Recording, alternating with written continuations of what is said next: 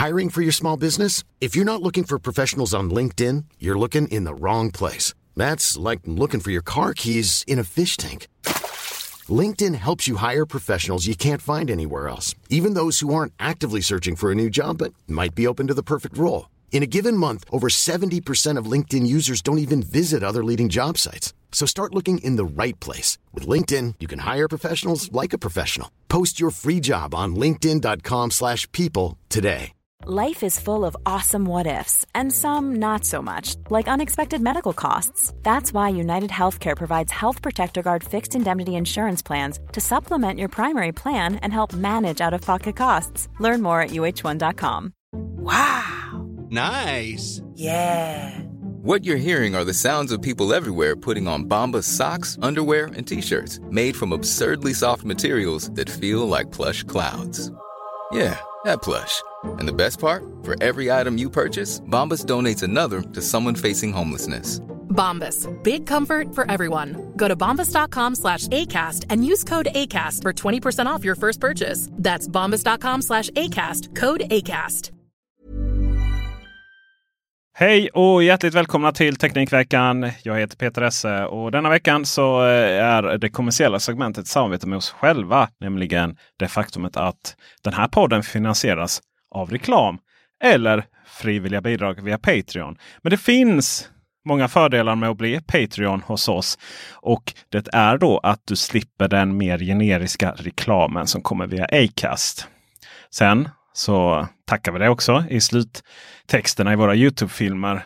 Men kanske framför allt och viktigast, det är att om du hänger i bubblan.teknikveckan.se då ser alla via en speciell liten, ja, ska vi kalla det namnskylt, att du är Patreon. Så att du är lite mer eh, älskad av oss som gör Teknikveckan.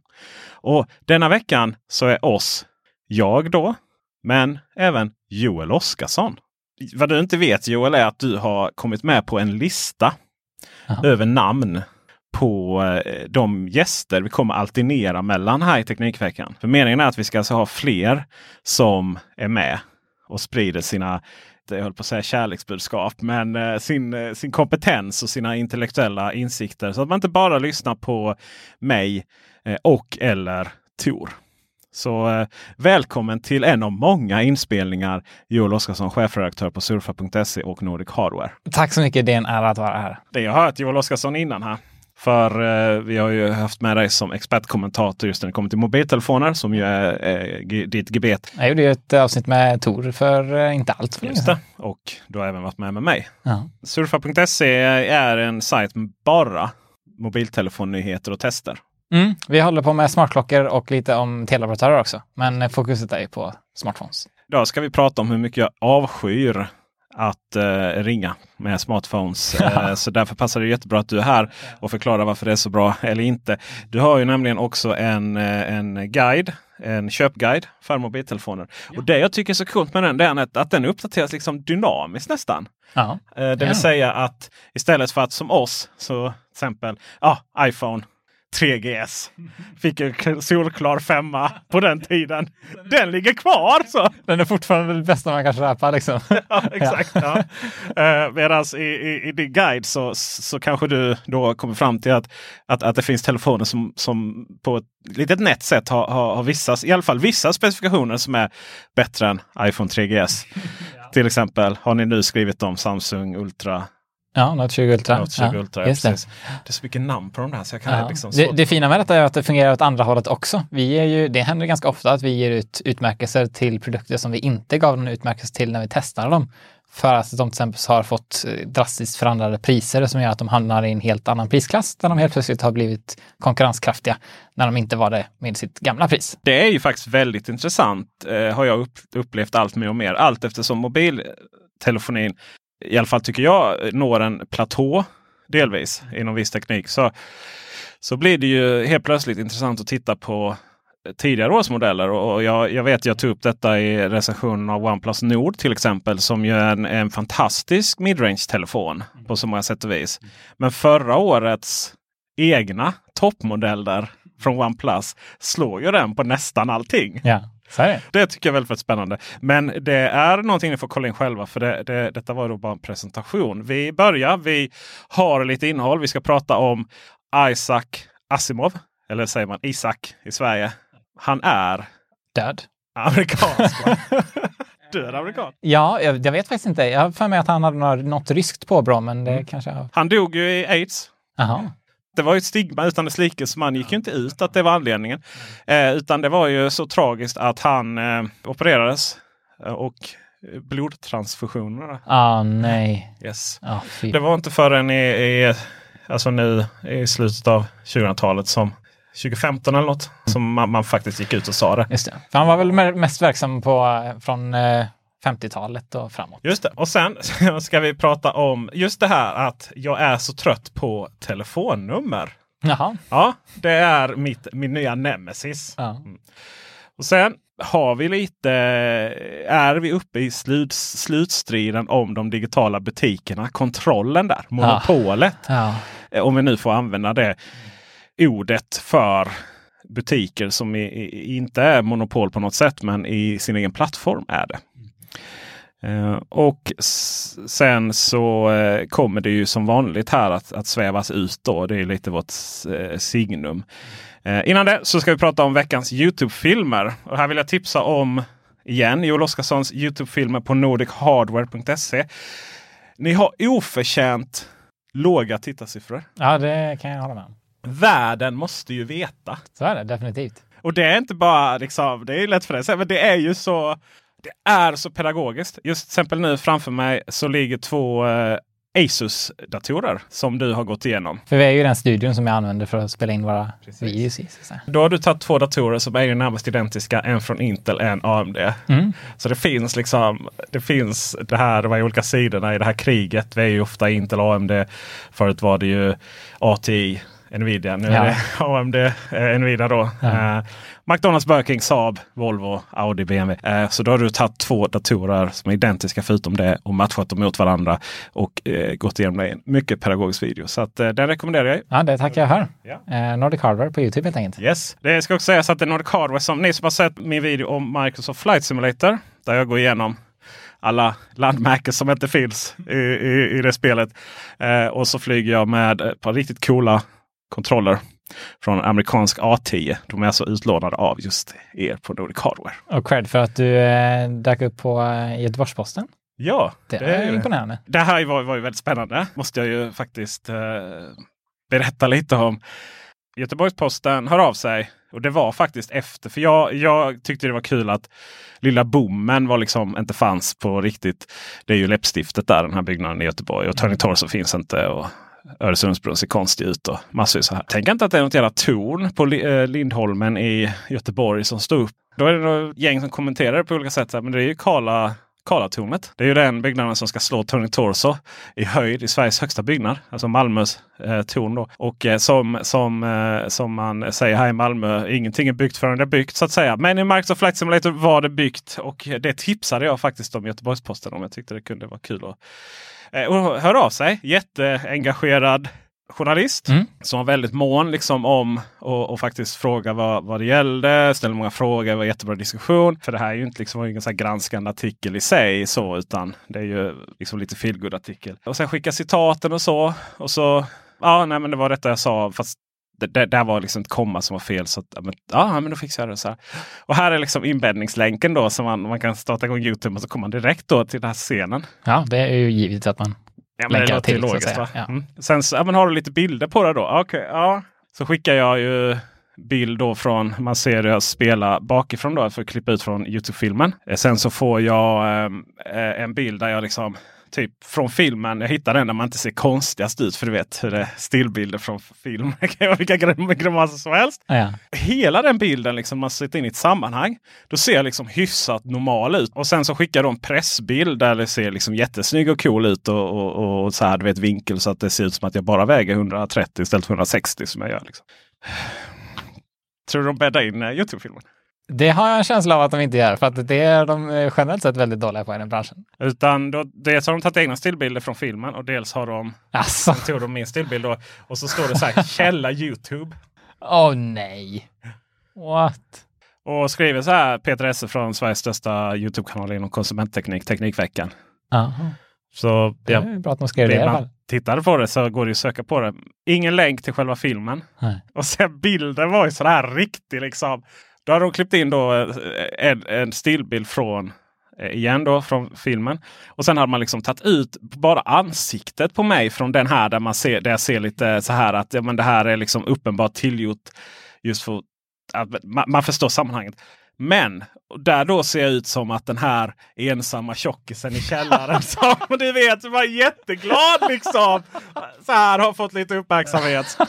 Och, och, och visst, jag förstår lite medielogiken och, och, artikeln innan den här feelgood-artikeln var någon som hade satt tågälskare. Alltså riktigt nördig sån. Som allt han ville var ha ett årskort på SJ. Eh, Nu inser jag att du kanske menar alltså tågälskare, inte, inte typ eh, miniatyrtåg. Eh, Ja, detta var riktigt Detta var riktigt Ja, tågälskare. Okej. Ja. Ja, ja, visst. Okej, fortsätt. Eh, Det, även då var min poäng om det helt kan vara lite samma tänker jag. Liksom, de Ja, som visst. sitter i sin källare och, och för kör. jag tänkte de som, ja precis, de som kör de här flygsimulatorerna kommer nog i liknande kategori så att säga. ja, men visst, visst kan det vara så. Va? Men det, det var också lite så samma bild. De coola journalisterna gör ett reportage om de här nördarna. Det var ju mycket så. Ah, ja, ja. Ja. Jag kände väl att det var väldigt typiskt eh, gammelmedia det här. Det är nästan svårt att bli besviken för att man redan förväntar sig det. Eh, var exakt det jag förväntade mig. Ja, men här så skickar jag lite länkar till varför då Karlatornet var med och sånt. Det var ju inte länk dit heller. Men förklaringen till det är ju att OpenStreetMap så står det under construction och det kommer vara så här högt. Ah, ja, ja, ja. Men när de har tagit information från Microsoft Flight Simulator, Bing-kart, det är ju tre, Microsoft Flight Simulator är ju tre stycken komponenter. Bing-kartorna som ju är 2D. De har ju ingen 3D-funktion i det så som Google Maps och även Apple Maps. Sen har man då lagt på information från OpenStreetMap då. Som eh, så här höga byggnaden. Och sen har man algoritm försökt tänka ut då. Och Turning Torso har liksom ingen höjdexempel. Därför har den, är den bara ett envåningshus. Då. Tredje komponenten är då att så här, eh, deras molnservrar har suttit och genererat ett par biljarder träd. Så, vilket funkar jättebra i Stockholm men inte i Malmö. Så det, det var historia bakom det. Mm. En liten, liten ut, utsvängning. På tal om nördar. Det är vi båda. Ja, det är vi verkligen. Isaac Asimov. Mhm. Vad betyder han för dig? Eh, han betyder eh, tonårsläsning främst, skulle jag nog säga. Sen på senare tid har han betytt eh, insikten i eh, hur litteratur har utvecklats. För att han är ganska tidig med sci-fi, så att, eh, han är ett exempel på hur sci-fi har varit. För tio år sedan eller? Ja, mer än det. Han blir ju exceptionellt aktuell nu på grund av Apple. Det har pratats mycket om att alla har försökt liksom velat göra den här en serie om, eller film om den här episka science fiction berättelsen som är The Foundation, eller stiftelsen på svenska. Och att, eh, att det går inte, liksom de som har upphovsrätt att det kommer liksom aldrig gå. Men nu har Apple då lyckats skapa, eller fått förtroendet att skapa en serie runt det här. Då. Att, jag tycker The Foundation det är ett bättre ord för vad egentligen böckerna handlar om än om stiftelsen. Definitivt. Stiftelse känner jag liksom, det är lite så här, vi skapar en stiftelse för att hantera Ikea liksom. Verkligen, alltså eh, visst är det den första boken i, i berättelseordningen så att säga som heter eh, Preludium till stiftelsen. Och det namnet är ju fruktansvärt dåligt. Ja. Eh, det Försöka övertala en tonåring att välja den boken i biblioteket är svårt. Det säljs ju nu en ganska så här upphottad upplaga med hela trilogin. Alltså de tre Ja. första böckerna som bara då eh, stiftelsen. Jag vet inte ens om det är ens övergång till bok två och tre sen. Och så har man ju förstått att, då att det finns mycket av historia i populärkulturen som, som, som härrör från det här. Dels pratar man om att det här är liksom grunden för science fiction då, kom på 50-talet.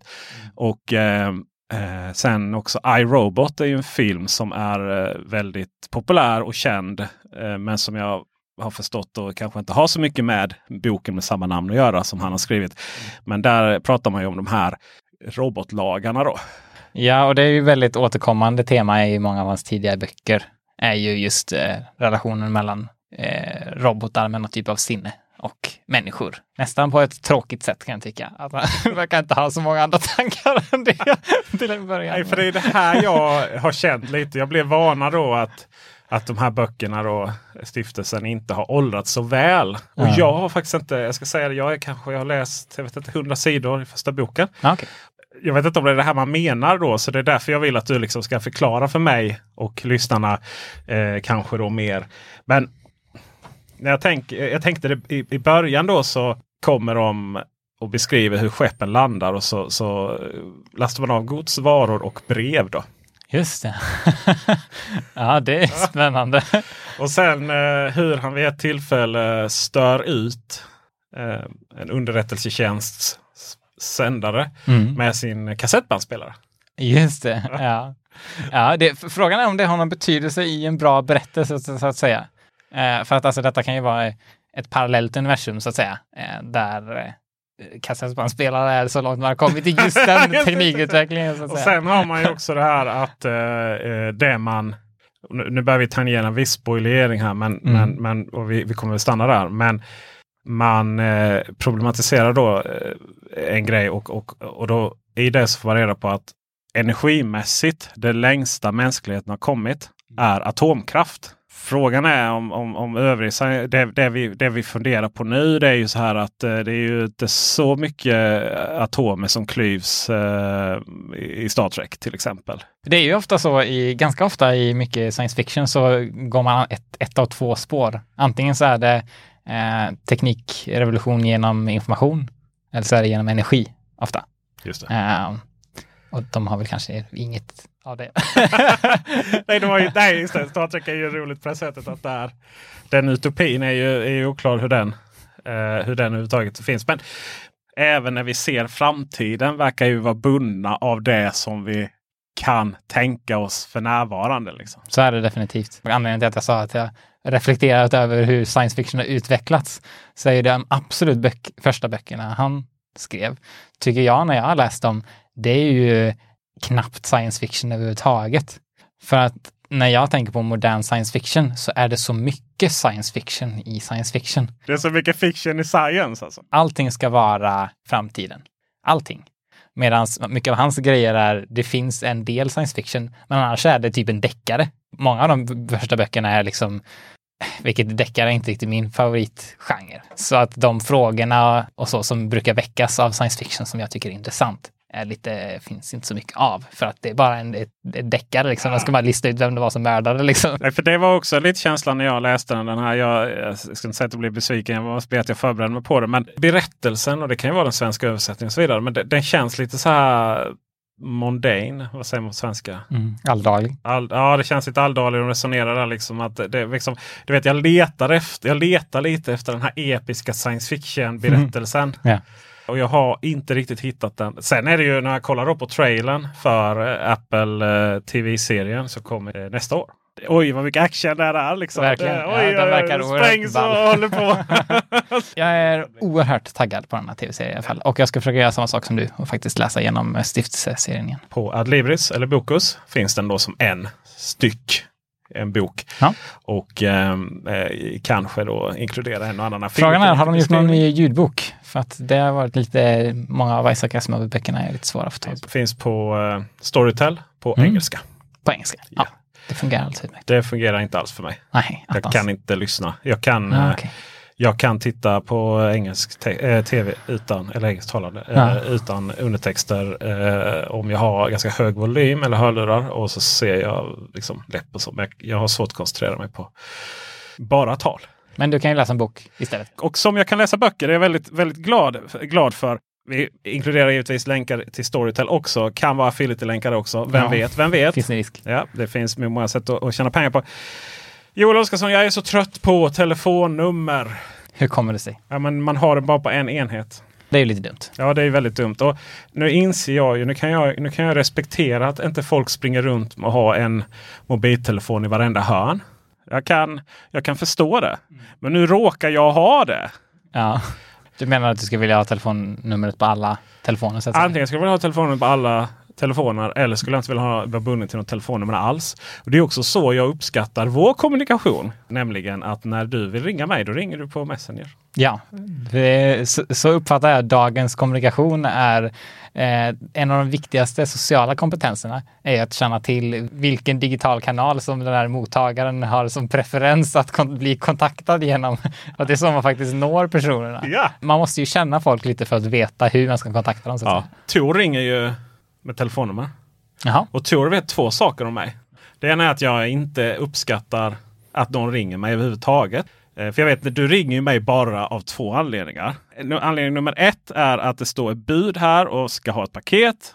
För att jag inte är här Ja. och jag har glömt bort det. Ja. Eller nummer två, att du har antingen cyklat omkull eller glömt nycklarna. Eller cyklat omkull och glömt nycklarna.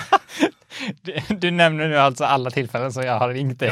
Ja, och jag uppskattar verkligen det. Ja. För du vet nämligen så väl att, eh, att, att, att mig når man enklast via Messenger, via text. Ja. Tor Lindholm, han är ju helt... Du vet, han ringer ju mig. Okynnesringer sådär. Du, jag har en idé. Men, men behåll, för det första, behåll din idé för dig själv då. Oftast. Det. Nej, det var elakt. Men nummer två, men skicka i text liksom. Hur svårt ska det vara? Frågan är om, eh, om eh, gillar Tor att bli uppringd? Jag vet faktiskt inte, men jag, jag tror att Tor är som mig, att det är inte så kul att texta på telefonen. Men jag sitter ju där och redigerar. ju. Det går ju jättesnabbt för mig att skriva via Messenger på datorn. Jag är ju väldigt mycket så desktop-människa och vill gärna ha program för det också. Eh, och det är också där, eh, det kan ju inte ringa på telefonen. Eh, det kan inte, telefonnumret kan ju inte ringa på datorn. Det kan göra det lätt i Apple-världen men lite svårare på Google-världen. I USA så går det att koppla ihop telefonnummer med Google Duo. Men här i Sverige så är man som Android-användare bunden till att det är en telefon som ringer. Och jag tycker det är liksom, jag vill bara lägga telefonen när jag kommer hem och sen så kan man springa ner i soffan, ligga där. Då ligger ligger en telefon där och då kan det ringa på den. Vi har pratat science fiction. Hur ser framtiden ut? Kommer jag slippa mitt telefonnummer tror du? Det tror jag inte. Men jag tror att eh, anledningen till att du ogillar telefonnumren kommer eh, försvinna. Okej. Oj, Och det är ju det som är, det är, det som är bra så att säga. Ja. med det. För att det är anledningen till att du ogillar det som jag förstår det är helt enkelt att du skulle välja att det skulle vara lite mer universalt och kunna ringa på flera saker. Och det är jag definitivt eh, väldigt säker på att det är, så kommer det vara i framtiden. Att eh, det kommer kunna ringa på vilken enhet du vill. Sen är telefonnumret bara en typ av ID som du införskaffar eh, och som kommunicerar via. Alltså är det något du tror eller är vi på väg dit tekniskt? För att återkomma till tema som jag har återkommit till flera gånger just när jag är i Teknikveckan för vi lyckas hitta dit varje gång av någon anledning. Och tro, nu, lyssnarna kommer ju tro att det är det enda jag kan prata om. det bara råkar vara så. Eh, nej men teknik som RCS till exempel. Eh, RCS. ja, RCS, ja. Det var Eh, det, det Tele2 var- introducerade stöd för typ så sent som bara häromdagen va? Det missade jag i sånt fall. Yes, då. okej. ja, Telenor det, var, och Telia har haft det i hundra år. Men eh, Tele2 har inte haft det. det ska jag definitivt kolla upp. Det som är mest eh, relevant i detta sammanhanget är att Google har lanserat det i Sverige till alla Android-användare. Inte alla på samma gång, för att det rullar ut just nu, men jag har det på min telefon, så att det är inbyggt i Messenger-appen. Så att oberoende på vilken teleoperatör du har, har, oberoende på om teleoperatören har stöd för det eller inte, så kan du använda RSS på Android eh, nu, om du har fått det utrullat. Och det i nuläget inkluderar främst att skicka textmeddelanden och eh, rika meddelanden, alltså med bilder och annat. Nu ska jag säga att det är inte säkert att eh, RCS kommer vara den tjänsten som vi använder om tio år. Eh, det kan ju vara något helt annat. Men jag, jag känner att det är sannolikt att det teleoperatörssystemet kommer utvecklas på den nivån att man kan använda det på andra plattformar. För det, den funktionen finns redan i, RCS-standarden. Möjligheten att till exempel logga in på ditt konto på en, på en dator och få samma funktionalitet och använda ditt eh, teleoperatörs-ID som är telefonnumret. Men gäller det alltså även telefoni? För jag har alltid trott Mm. att det här var ett meddelande. Bara. Det inkluderar eh, telefon, det inkluderar videosamtal, eh, gruppvideosamtal. Det inkluderar typ det mesta inom kommunikation. Sen så handlar ju detta alltid om att det ska rullas ut och att det ska finnas funktionalitet. Nu till en början så eh, verkar det som att eh, operatörerna och Google fokuserar ju på eh, att ersätta MMS i, i första steget. Hur vanligt tror du det här är? Tror du bara jag eller hur tror du allmänheten? Jag tänker att ganska stor andel av allmänheten skulle vilja att telefonen är smidigare och bättre. Men sen är det ju definitivt så att många använder telefonen fortfarande för att det är ett smidigt sätt att få kontakt med folk. Och det här har jag ju sagt tidigare när jag pratat om RCS, att anledningen till att jag tycker att sms är så bra, eller ja, eh, själva konceptet med sms är bra, är ju att det är universellt, att det inte ägs av ett bolag, utan att det är en branschstandard eh, och att man kan ha ett ID som man kan flytta mellan teleoperatörer och att det skapar en öppen marknad av konkurrens, precis på samma sätt som e-post kan göra. Eh, och då säger jag inte att e-post är perfekt, men jag menar att eh, den typen av system Eh, skapar en konkurrenssituation som är bra för, konsum- för, bra för konsumenterna. Eh, och det tror jag kan vara, eh, jag tror att många inser att sms borde kunna vara bättre och telefoner borde kunna vara bättre.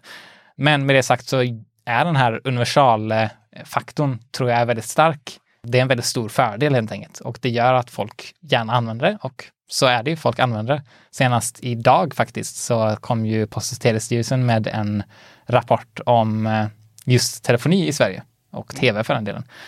Eh, där man eh, har gjort undersökning under 2019 på hur svenskar använder sin telefon.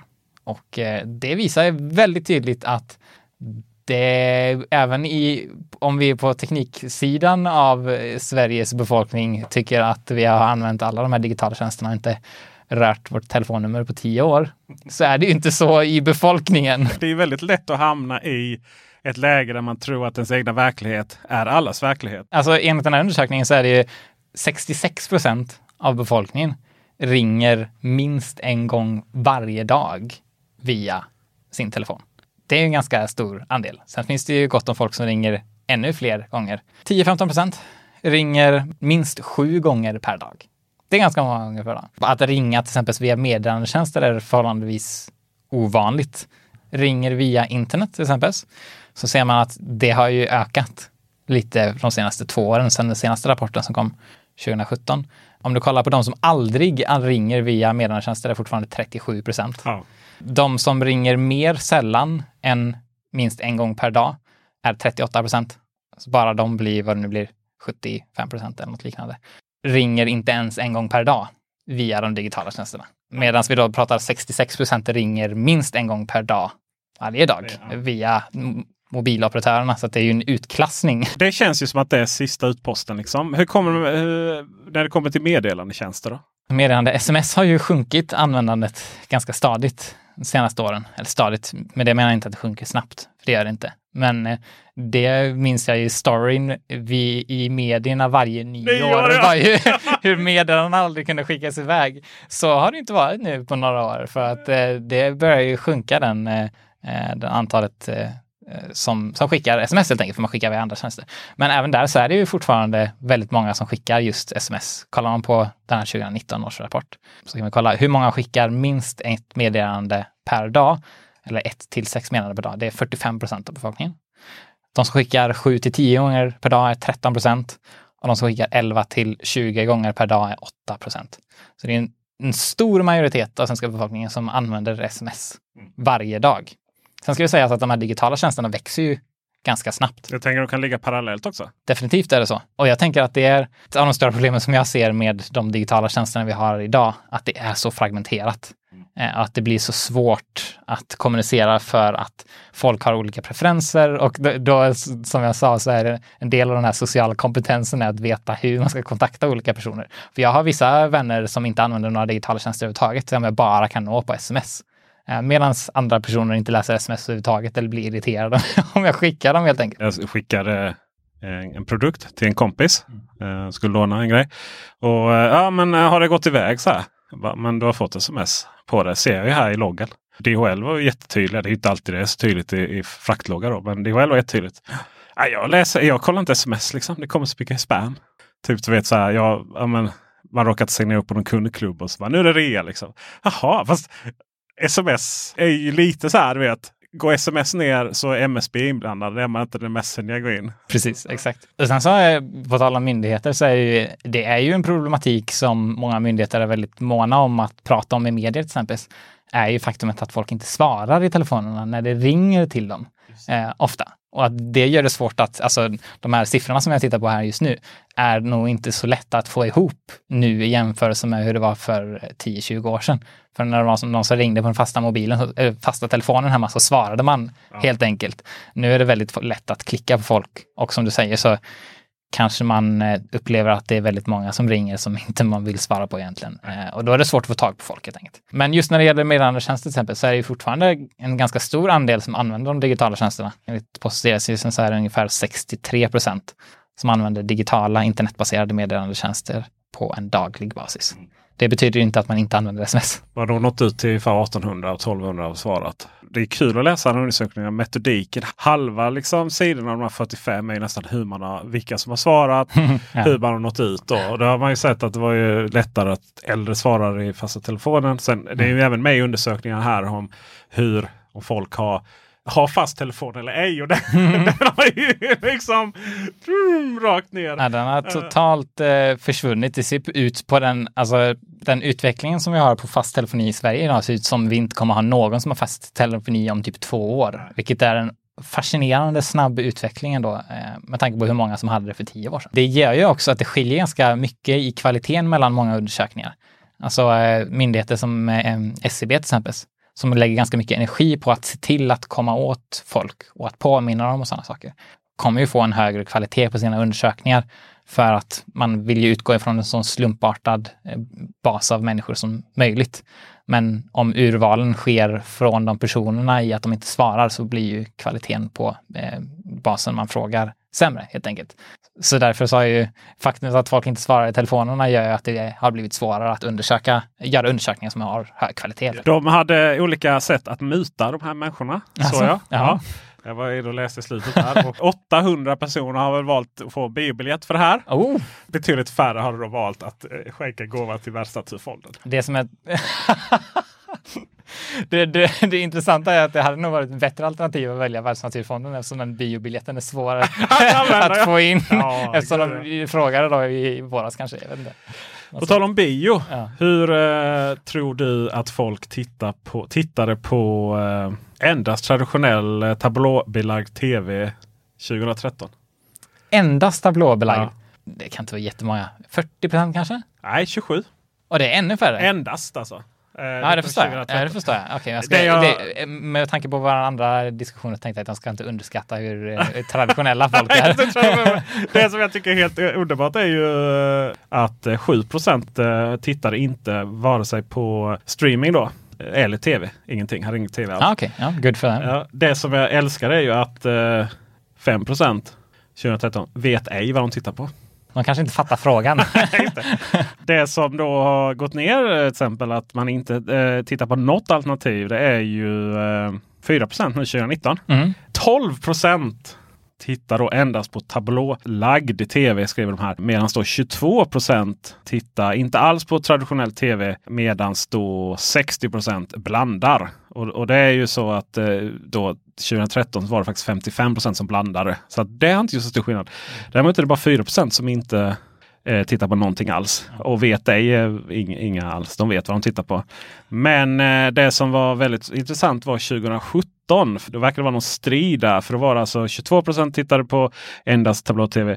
19% tittade endast på streaming. Så lite som 52% tittade på båda. Vad tittar du på? Det har väl hänt att jag har slagit på Eurovision direkt-tv. Ja, okej. Sen är ju också så här, men vad- tablå-tv, alltså vad är det om du tittar på SVT Play då? Det är inte tablå. Jo, men om du tittar på tablå, eh, tablå-tv via SVT Play. Min, min tanke med en tablå är ju att det är en, eh, ett program eller en, en uppsättning av sändningar som sker vid en viss Ja, precis. Det är det som är tablån så att säga. Just det. Och de, har ju det i SVT Play-appen. Ja, okej, du menar att man kan titta på live-tv i SVT? Ja, så länge ja, du inte ja, har ja. Apple TV. Då. Mm, ja, det måste ju vara tablå-tv givetvis. Ja, Ja. De gånger jag tittar liksom på tablåbaserad tv. Det är undantag där olycksfall i arbetet. Så jag skulle säga att jag ligger faktiskt på, på det sättet skulle jag ligga på 100% streaming. Yes, Ja, själv då? Det är oerhört nära 100% streaming i alla fall. Alltså det är exceptionella tillfällen när det finns någon anledning till att sitta live. Valnatten är lite tråkigt att titta på on demand i efterhand. Vad använder du liksom för appar och på vilket sätt? Eh, när du då tittar på din streaming hemma. När jag tittar på streaming så använder jag en Apple TV, Se där ja. En, eh, den full HD-versionen, för jag har ingen 4K-TV. Så tittar jag på Netflix en del, via Play, Via Andrej. på Apple TV? på Apple TV. Ja, ja, inget inbyggt i tvn eller Android eller så? Eh, nej, Nej. det finns men det vill jag inte använda. Eh, för Apple TV, jag gillar Apple TV, TV väldigt mycket. Jag tycker den är riktigt nice box. Ja. Sen använder jag Apple TV också för att titta på mitt eh, rippade Blu-ray-bibliotek. Mm. Det finns många bra appar där. Eh, Infuse använder jag en app som heter, som en sån biblioteksapp. Det är typ som Plex fast man behöver inte hosta det någonstans. Eh, och det är väldigt nice. Det är kanske en av de bättre Apple-produkterna kan jag tycka. Eh, Det som är väldigt trevligt med den är att den är förvånansvärt öppen för format och funktionalitet i appar och sådana saker som gör den väldigt kraftfull. Kanske en av de absolut bästa, tycker jag, i den produktkategorin. Google släpper sin, eh, snart sin Chrome med fjärrkontroll. A lot can happen in three years, like a chatbot may be your new best friend. But what won't change? Needing health insurance. United Healthcare Tri Term Medical Plans, underwritten by Golden Rule Insurance Company, offer flexible, budget friendly coverage that lasts nearly three years in some states. Learn more at uh1.com. When you're ready to pop the question, the last thing you want to do is second guess the ring. At Bluenile.com, you can design a one of a kind ring with the ease and convenience of shopping online. Choose your diamond and setting. When you find the one, you'll get it delivered right to your door. Go to Bluenile.com and use promo code LISTEN to get $50 off your purchase of $500 or more. That's code LISTEN at Bluenile.com for $50 off your purchase. Bluenile.com code LISTEN. Hiring for your small business? If you're not looking for professionals on LinkedIn, you're looking in the wrong place. That's like looking for your car keys in a fish tank. LinkedIn helps you hire professionals you can't find anywhere else, even those who aren't actively searching for a new job but might be open to the perfect role. In a given month, over 70% of LinkedIn users don't even visit other leading job sites. So start looking in the right place. With LinkedIn, you can hire professionals like a professional. Post your free job on linkedin.com slash people today. Since 2013, Bombas has donated over 100 million socks, underwear, and t-shirts to those facing homelessness. If we counted those on air, this ad would last over 1,157 days. But if we counted the time it takes to make a donation possible, it would take just a few clicks. Because every time you make a purchase, Bombas donates an item to someone who needs it. Go to bombas.com slash ACAST and use code ACAST for 20% off your first purchase. That's bombas.com slash ACAST, code ACAST. Many of us have those stubborn pounds that seem impossible to lose, no matter how good we eat or how hard we work out. My solution is PlushCare.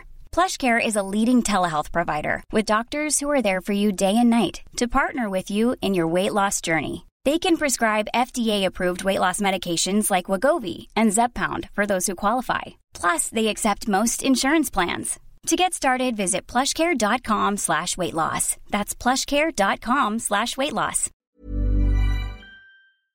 Du något Fortnite på Apple TV när det fanns? Det gjorde jag inte. Tyvärr eh, har jag aldrig riktigt eh, förstått grejen med att spela spel på en Apple TV. Men det kan man ju kanske. Hade du det på telefonen? Har nog installerat det vid något tillfälle, ja. Det har jag gjort. Men mest ur ett eh, yrkesmässigt eh, syfte. För att vi ska prata lite om den episka fighten Ja, just mellan. Apple. Google kommer in på ett hörn. Den är Eh, het, får man ju säga. Den är, det är mycket känslor här Mm. och eh, det händer ju så mycket. Det har säkert hänt saker mellan det vi står här nu. Du och jag, det är den tiden vi upplever nu. Och då i science fiction, alltså framtiden då. Ni lyssnar och hör detta. Och då har det säkert hänt jättemycket. Men det som hände strax innan inspelningen här var ju att Facebook fick en eh, snigel på ögat. Eller vad vi kallar det. För att eh, de hade då sagt till att eh, Apple tar 30% av det här intäkterna från om ni vill skapa ett virtuellt eh, virtuell händelse eller kurs eller möte eller någonting via Facebook så tar inte vi några pengar men Apple tar, kommer ta 30% av det här för det ni tar betalt. Och den uppdateringen var no-no. Det har de alltså skrivit under betalningsknappen. Typ som att eh, det går 25% moms på det här fast det stod att Apple tar 30 Apple tar precis, yes. Och eh, om vi då backar baka bandet så kan väl ingen missa då att eh, för någon vecka sedan eller två så, så försvann då eh, eh, Fortnite ifrån App Store på alla då iPhone och iPad. Det var väl inte så konstigt egentligen för eh, att Epic Games som står bakom Fortnite de hade försökt kringgå betalningssättet i App Store. Denna uppdatering skickar man ut eh, både på iOS och Android. Det var väldigt väl utstuderat. Samma ögonblick som Apple tog bort det här så, så, så eh, hade då klart. Det fanns en, fi- en reklamfilm klar som där Epic då gjorde parodi på den här 1984 reklamfilmen som det kom in en kvinna och kastade hammare på en bild för vi alla IBM-drönare då. Och sen så utav en händelse så råkar man också dra fram en eh, stämning av Apple in till amerikansk domstol. Sen så tog också Google bort appen ifrån Play Store. Det ska till rätt mycket rövhålsfasoner för att bli av med appen på Google Play Store. Ja. Det blev man då och, och då tog man med Google i denna stämning också ganska omgående. Därifrån sen så har, eh, jag vet så sent som igår så kom det ett mejl då till alla som eh, då att eh, på grund av, det står ju redan i rubriken då, på grund av Apples beteende så ni som har Fortnite på enheter, ni kommer kunna spela då eh, om möjligt vissa delar av nya säsongen. Men vapen och sånt man köper kommer liksom inte, man köper inte vapen förlåt, eh, men vissa dräkter och sånt. Och eh, massvis andra gear som man köper kommer då inte kunna synas. Dock. Du vet min son eh, ligger och, och, och tio år och liksom har lärt sig att Apple är rövhål. Liksom, att man får räcka finger åt Apple. Jag bara, men du, Ja. du, du har ju ingen iPhone liksom. vet, vet du var detta kommer ifrån? Är det någon youtuber som rantar om någonting eller vad, hur Ja, men det är det? ju, eh, Epic har ju pumpat ut det här. Det kommer direkt från Epic alltså? Det kommer ju Jaha, jag- direkt, direkt, dels direkt från det här mail, mailet kom ju direkt från och det var ju väldigt så här. Du vet, det kan ju vara så här. Vi vill informera att på grund av rådande stridighet mellan oss och Apple. Alltså man kan vara väldigt neutral. Nej, nej, det var ju inte alls så. Utan det var ju verkligen Apple är rövhålare och tar era pengar. Så. Eh, och sen, sen kommer ju såklart Youtube, Youtubers med på det. Och sen Diskussionen blir ju så svår bara. Det är så mycket olika eh, vinklar på det här. Men eh, min, min, min fråga till dig är ju då. Vem har fel och vem har rätt Joel? Just det, ja, jag kan tycka att båda har fel. Åh, vad enkelt det var! ja, så är det ju. Ja, det är ju, det är ju väldigt eh, framprovocerat det här givetvis och eh, Epic Games vet ju, är ju väl medvetna om att de bryter mot de avtal som de har gått med på. Eh, så enkelt är det ju. Eh, och man använder ju den situationen för att eh, tvinga fram någon, dels kanske någon eh, lagstiftning, dels kanske någon eh, aktion från en domstol och dels så vill man flytta förflytta den allmänna eh, tyckandet om hur Apple agerar. Och det är väldigt väl genomtänkt, oerhört väl planerat, väldigt douchigt. Samtidigt så har de ju rätt i mycket av det de säger kan jag tycka. Särskilt på det här sättet att Apple eh, inte riktigt förstår att det inte är 2010 längre. Att världen har förändrats lite och att de kanske har fått betalt för den, eh, det som de har eh, eh bidragit med till samhället till stor del med App Store. Och om att eh, om man ska undvika eh, specifikt det relevanta är ju undvika regleringar så behöver man se ut att bry sig lite mer än vad man gör nuläget. För i nuläget så verkar ju, åtminstone tror jag att bilden allt mer blir att Apple bryr sig inte om någonting annat än att de får sina pengar. Och det är inte en så bra bild att ha när man möter en eh, eh regering eller en lagstiftare som redan har en inställning om att Apple är douchebags. Den individen som har väldigt mycket eh, emotionellt investerat med Apple skulle ju argumentera att det är helt fritt att verka på Apples plattform. Ja, så är det ju. Då har du inga rättigheter och sådär. Nej, nej, nej. Och varför skulle då staten hjälpa dem i detta? Varför, varför skulle någon eh, varför skulle liksom amerikanska myndigheter på något sätt ha en åsikt om hur Apple? Du vet eh, mycket väl att jag argumenterar inte för regleringar. Jag pratar om en verklighet där Apple trampar snett om och om igen och inte förstår att det, den bilden av världen som de har inte är, funkar så på riktigt och att de behöver anpassa sig, det sättet som de agerar, för att inte få tråkiga konsekvenser som är värre än det de kompromisser de skulle behöva göra för att undvika det. Xbox, Microsofts egna butik. Ja. Vi har eh, Playstation. Mm. Där tar man också avgifter Precis. och har också en monopolliknande ställning. Mitt argument i den situationen är att argumentet till att Apple ska förändra sig för sin egen skull handlar inte om att Apple tar mer pengar än någon annan, utan det handlar om att de måste undvika de, dåliga, de tråkiga konsekvenserna från reglering. Och den situationen finns inte med de företagen som du nämner. Den eh, viljan att reglera finns inte i de situationerna. Så vad vi pratar om till stor del handlar ju om PR gentemot eh, befolkning och lagstiftare helt enkelt. Du utgår egentligen vad som är bäst för Apple. Ja, precis. Jag utgår inte från vad jag tycker att de borde göra för att som är bäst för mig, eller principiellt. De skjuter sig själva i foten, tycker jag, om och om igen. Och det gör de för att de vid något tillfälle bestämde sig för att agera på ett specifikt sätt och har av någon anledning inte lust att eh, omvärdera det.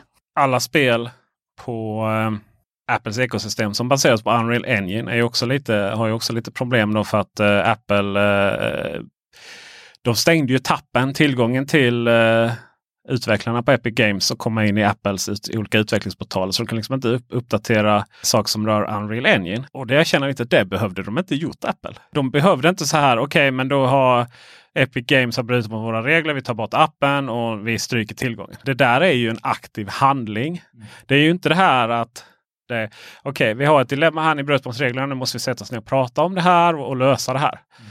Och eh, sen nu då så har man ju också även det här med eh, oerhört fascinerande med Facebook där. Att man inte får, för tidigare då så har du ju inte fått säga att eh, du måste signa upp på den här länken via webbsidan för att komma runt det. det. Eh, och nu får du då helt enkelt inte ens informera om var pengarna går då. För det är irrelevant Nej. information. Ja, just det. Ja, den eh, irrelevant information som är bokstavligt talat ett citat är ju helt fascinerande hur man kan använda det argumentet med ett straight face. Det är oerhört imponerande. Ja, alltså, jag eh, kan inte tänka mig att Apple har någon utväg ur detta som är rimlig. Eh, samtidigt så har ju Epic Games satt en ribba på vad de vill ha, vad de vill ha, som måste vara en förhandlingsstrategi. För att de kraven som de verkar ha är ju totalt eh, orimliga. De tycker ju att eh, Google inte är tillräckligt öppna, trots att de tillåter installation från andra eh, butiker. Och att inte ens det räcker, konkurrensen som andra butiker kan göra mot Google inte ens räcker. Så om inte ens det Google gör är acceptabelt så förstår jag inte riktigt hur, mycket, hur långt man tror att man kan flytta Apple i den här frågan. Det är ju lätt när två träter liksom att man väljer sidor där. Men Epic Games verkar inte ha någon som helst, om vi får använda ett, ett lite uttjatat ord, värdegrund. nej, nej, just det. För det första så har jag ju väldiga problem med deras sån här eh, temporära, man försöker ju lära barnen då min, egna, min egen unge att spara. Jaha. Pappa, pappa, det, det här skinnet. Det kostar bara så mycket. Får jag köpa det? Men Leon, du skulle ju spara till nya säsongen. Man får ju betala. Alltså, Epic Games, eller Fortnite är ju gratis men eh, du vet det är ju utstyrslar. Det är, man, får, man kan gå med och spela nya säsonger givetvis men då kommer det en massa gears där då och det finns alltså, de paketerar ihop det. Och det är ju hela tiden, ja men den eh, det, den är inte kvar om en vecka. Allting är så här unika grejer och exklusiva grejer. Liksom. Mm -hmm. Så eh, då blir ju inte det här att ja, men då kan du spara till den här. Vad vill du ha? Vill du ha den här uh, utrustningen eller den här mm, uh, skinnet? Liksom? Det är svårt att planera en sparning om man inte, äh, att spara till någonting om man inte vet vad man kan spara till. Exakt, ja. och de tjänar ju så, jag menar det är så mycket pengar. Jag, jag skulle inte förvåna mig om min son är högst liksom medelmåttig, jag på säga. Men när det kommer till att vara kund till Epic Games. Ja. Så uh, tror om hans kusin har kanske lagt 15 000 på Fortnite så kanske Leon har lagt 4. Oj, hjälpes. Wow. Eh, Leons kusin är 13, nej 15 nu, herregud. Eh, och Leon är 10 då. Det är imponerande. Och det, det jobbiga i, tycker jag att se är ju att eh, det är så tråkigt att det är just Epic Games som driver upp de här frågorna. För att de är en så tråkig part det hade varit väldigt bra om det fanns en part som var någorlunda moraliskt eh, rent tvättad. Det är, ju, ja, precis. Det är likadant det är... med Spotify som, som liksom, ja men Apple Tax och de tar det här liksom. Men Spotify är ju de som har alltid kämpat hårdast för att ge artisterna och framförallt upphovsrättsmakarnas eh, text, textskrivarna sådär eh, minst pengar. Ja. Och dessutom så är det ju, eh, Epic Games snackar ju om att det här handlar inte om oss. Vi vill göra att det ska bli lika villkor för alla små utvecklare och så vidare. Eh, och där tycker jag det finns ganska många bra argument kring att Apples lösning till exempel är väldigt bra för små utvecklare. Om vi till exempel skulle säga att man öppnar upp möjligheten att ta emot betalningar på, på andra sätt än genom App Store, så kan jag tänka mig att det blir ganska svårt för många små utvecklare att konkurrera eh, med Apples betalningslösningar, medan ett stort bolag som Epic Games kan ha väldigt väl genomförda betalningsflöden till exempel, mm. som gör att det blir lättare för en, ett företag med stor skala eh, att erbjuda bra användarupplevelser när användarupplevelsen annars är identisk för alla utvecklare om man använder om man inte får använda något annat än Apples system. Hård men rättvis får man ju säga. Epic Games har också fått kritik för arbetsvillkor för de som jobbar där. Att det har varit väldigt ruscha ut och det är liksom det är för att jobba dygnet runt känns det som. De har också ett eget Epic Store som tar 15% men i princip självkostnadspris om du säljer spel som baseras på Epic Games eh, Unreal Engine. Då. Så att snacka om att använda sin marknadsdominans i den frågan.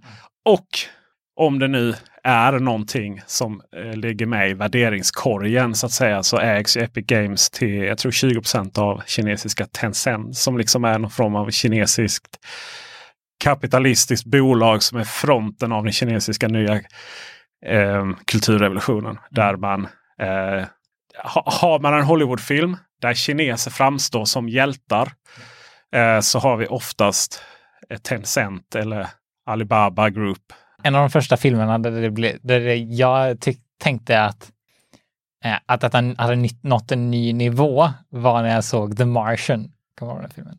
Uh, nej, jag har nog inte Ja, just det! när ja, just när det. kineserna är de som räddar ja, liksom visst, amerikanerna. Just det, just det. det, är ju, och det, och det, det, är inget fel på att ha en sån storyline. Det, det felet är ju varför de har en sån storyline så att säga. För det är väldigt transparent så att säga i den här världen vi lever i. Eh, det finns ju ett fantastiskt eh, avsnitt av eh, South Park som jag såg ganska nyligen. Det är inte nytt, men där en av karaktärerna, en av papporna ska sälja Eh, cannabis i Kina för att han har mättat marknaden i Colorado. så han kommer på den här briljanta idén, sätter sig på ett jetflygplan till Kina och sätter sig bredvid en snubbe som säger att han ska åka och sälja teknik i Kina. Han blir jättearg för att han har snott hans idé om att åka till Kina och sälja grejer. Det här var han som har hittat på den idén. Och sen kommer hela klanen Disney in på flygplanet och sätter sig med alla Avengers som flyger med till flygplanet till, till Kina. För att så är det ju verkligen att eh, dagens Hollywoodfilmer skapas ju eh, för att kunna visas i Kina. Givetvis, för att det är en stor marknad. Men det, det, det finns ganska höga krav på att få göra det. Och säga. de filmerna som råkas, innan man liksom har, har sig detta och lyckats kommunicera, då, då får man klippa bort en och annan gay-scen om det skulle vara så att det finns en kyss mellan samkönade par eh, för, att, för att nå till Kina. Men The Martian är ju, det är ju ett exempel. Sen har vi ju även Independent Day 2 då, där liksom den stora uppoffringen då eh, sker från eh, mestadels eh, kinesisk eh, ledning då. Eh, första, alltså första posten för att skydda jorden då är i, eh, i det. Va? Och sen så, ja vi spoilar hela skiten. Liksom. en av de få överlevande hjältar är då en amerikan och en kinesisk eh, kvinna. Då, liksom. Och det är givetvis den kinesiska kvinnans farbror tror jag det är som, som, som får sätta livet till när han ska försvara jorden eh, från månbasen. Då. Så att det är liksom det är, det är hjältar och, och de är så fruktansvärt sympatiska också i filmer. Det är, mm. ju, det är ju härligt. Eh, så vi kan väl konstatera att eh, Epic Games och Spotify och Apple och alla sitter i samma båt och alla har sina egenintressen. Jag tror att man inte ska försöka bli en nyttig idiot i den PR-kampanjen helt enkelt. Utan eh, vi som konsumenter, det är inte vår uppgift att springa deras ärenden. De här bolagen är tillräckligt stora, de kan göra det på egen hand. De har väl eh, en av världens största arméer av eh, jurister. Om de vill använda dem så kan de göra det. Och en av världens största krigskassor. Med det så tackar vi dig Joel Oskarsson för att du var med i Teknikveckan-podden. Det var ett rent nöje. Och du kommer vara med och så många gånger igen. Mm. Dig hittar man på surfa.se, nordichardware.se. På Youtube är det Nordic Hardware och på alla podd plattformar som finns än så länge tills du har sålt dig till Spotify. Nej, det kommer aldrig hända. Oj, oj, oj. Så hittar man... Mest för att de inte är intresserade. hittar man dig på Techbubbel. Precis. T-E-C-H-B-U-B-B-E-L. Behöver man bokstavera Joel så Nej, har man haft eh, ett bekymmer i namnvalet. Verkligen. Ha det bra så hörs vi. Hej! Hej, hej. Imagine the softest sheets you've ever felt. Now imagine them getting even softer over time. That's what you'll feel with Bowl and Branch's organic cotton sheets. In a recent customer survey, 96% replied that Bowl and Branch sheets get softer with every wash. Start getting your best night's sleep in these sheets that get softer and softer for years to come. Try their sheets with a 30-night guarantee. Plus, get 15% off your first order at bowlandbranch.com. Code BUTTERY. Exclusions apply. See site for details. Hi, I'm Daniel, founder of Pretty Litter. Cats and cat owners deserve better than any old fashioned litter. That's why I teamed up with scientists and veterinarians to create Pretty Litter. Its innovative crystal formula has superior odor control and weighs up to 80% less than clay litter. Pretty Litter even monitors health by changing colors to help detect early signs of potential illness. It's the world's smartest kitty litter. Go to prettylitter.com and use code ACAST for 20% off your first order and a free cat toy. Terms and conditions apply. See site for details. Planning for your next trip? Elevate your travel style with Quince. Quince has all the jet setting essentials you'll want for your next getaway, like European linen, premium luggage options, buttery soft Italian leather bags, and so much more. And is all priced at 50 to 80% less than similar brands. Plus, Quince only works with factories that use safe and ethical manufacturing practices. Pack your bags with high-quality essentials you'll be wearing for vacations to come with Quince. Go to quince.com slash pack for free shipping and 365-day returns.